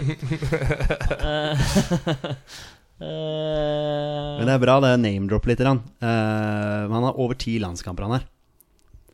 Så han er jo en, altså, han, en periode kanskje en relativt betrodd mann, da. Som har vært med i tropper og Si at du spiller to, to og to kamper, da. Mm. Sånn som nå har vi to kamper i Nations League, og du er med i begge de to, da. Så, ikke sant? så, så er du med neste gang. Det er jo ikke så hyppige landskamper, sånn sett. Men det er en nåværende eliteserieklubb, ass. Og så må vi huske på at uh, Rosenborg de, Ja, greit, de vant i 2009 og 2010, og så vant de i 2006, men fra 2005 der så var det De var, hadde en liten down. Mm, Så der er det Hvem var det som var oppe og nikka der? Brann hadde no, kanskje noen spisser, men der er, vel- det er vel Torstein Helstad og liksom Men uh, om han var mest fremtredende for et nåværende elit- eliteserielag Var denne spilleren mest fremtredende for et nåværende eliteserielag? ja. Men eh, har dere hatt. Raymond Kvisvik? Går han under Raymond eh, Kvisvik Han har vært hatt. ah, Ok, for han går kanskje som midtbanespiller. Han gadd ikke å fly hjem igjen, vet du. Han- Nei, han, han gadd ikke å løpe hjem! Men ok, nåværende Han er mest, mest kjent for karrieren sin da i, i en En nåværende nåværende eliteserieklubb. Hvem er det vi har igjen? Vi har en Tromsø, Tromsø også har jo mange gode Vi, vi skal ikke prøve å peile oss inn Ole Martin Årst, har vi hatt han? Ole Martin Hei. Årst har spilt for eh, Rosenborg. Har han det? Hæ? Ja, det mener jeg Nei, det har han kanskje ikke. Nei, det er Tor, Rushfeldt Tor, du Hogn, tenker- Tor Hogne og Håre er det jeg tenker Ja. på, som var der en kort periode. Var han, Veldig har han vært i like Rosenborg? spillertyper. Ole Martin Årst han har spilt for Start og Tromsø, og så har han spilt for eh, Gent, tror jeg. Eller Ja. Standard Liège Nei, Gent er det vel, i Belgia. Det kan være. Men han var, vel- var ikke han ganske bra i utlandet, eller var kanskje ikke det? Han er definitivt Han, mest kjent han for, ble, eh, han ble Norges toppskårer karriere. Jeg mener han ble toppskårer i Belgia i én sesong, faktisk. Det kan være, men han er jo suveren i Tromsø der. Har han spilt for Tromsø? Ja. Har han spilt for Start? Ja. Har han spilt i Belgia? Ja. Ja, det er vi, det er vi. Det Ja. har vi. Ha, skal jeg bare se på, Hvor mange spørsmål har vi nå? Dere har brukt 15. Ok, jeg må For, for moro skyld, Har han blitt toppskårer i Belgia i løpet av en eh, Jupiler League i en av sesongene? Ja. Ja. Da er, er det, da skal vi, si, da er det, skal vi spørre om det er Rune Lange. Oi, oi, oi. Ok, men da, da er det Martin det da. Fy søren, tenk hvis jeg hadde sagt uh, Nei, han har spilt i Rosen. Tor Hogne Aarøy var det jeg tenkte på, selvfølgelig. Som, han var der en kort periode. Jeg tror han fikk, til og med fikk et innhopp i Champions League. Han uh, Ja. staka han Men ja, der. vi må jo nesten stille spørsmålet. Ja. Vil du Eh, ta, Tobias, vil du ta æren, Tobias? Får jeg æren? Ja, du får æren. Selvfølgelig Du får er det. gjest. Er det Ole Martin Årst? Gutter? Det er Ole Martin Aars. Bra. Ja, vi tar denne. 22 landskamper Ja. og to mål. For mannen født i Bergen. Ifølge, ifølge min Wikipedia-profil her. Eh, spilt for Skarp, spilt for Tromsø, spilt for Anderlecht, spilt for Gent, spilt for Standard Liège, spilt for Start. Meget solide tall her. 413 seriekamper gjennom alle karrierer og 217 mål. Han var i Anderlecht? Han var en tur i Anderlecht. Det kan ikke ha vært lenge. Der fikk han eh, 36 kamper og 11 mål. Det er ikke så hakkende gærent, det. N- Hvilken periode var det? Det var fra 97 til 99. Ah, ikke sant? Jeg ble fotballinteressert i 98. I, det er min I, I Gent så spilte han bare 33 seriekamper, men skårte 30 mål. Ja, for det var der han ble Ja. toppskårer. Mm. Og 73 kamper for Standard Liège og 41 mål. Så han hadde Og Tromsøstetten. Um, Nå skal jeg, jeg skal prøve å legge sammen her. Uh, det har jeg ikke tenkt å gjøre, men jeg kan kanskje, hvis jeg er heldig, så kan jeg bla litt nedover her. Der har vi noe som heter Club Statistics, vet du. Uh, den er ikke total, så jeg kan ikke si noe, men han har skåret mange mål. Ja. ja. si sånn, ja. Ja. All right, boys, dere vinner. Ja, vi, vi surra fælt, var, var det noe high five rundt her, eller? Ja, ja. Ja, det Ja, vi har klaska, vi. Ja, nei, vi, eh, jeg ser nok en gang at jeg får en veldig god redigeringsjobb foran meg her. Tobias Storhus Dale, veldig hyggelig at du hadde muligheten til å stille. Kjempe Du, det var eh, gleden var på Ja. min side. Skal- Stor ære å bli invitert. Skal ikke se bort fra at du blir invitert senere til å snakke om andre potensielle motstandere. Da skal vi sette en timer, og så skal vi fortelle hvordan, hvordan ting skal være. Men det var veldig nyttig informasjon du kom med. Petter, har du hatt det bra? Ja, jeg har storkost meg. Torstein, du har hatt det helt greit? helt topp. Helt topp, ja. Kjempefint. Vi er våre beste menn. Heia Norge. Heia Norge. Heia Norge. Og hei!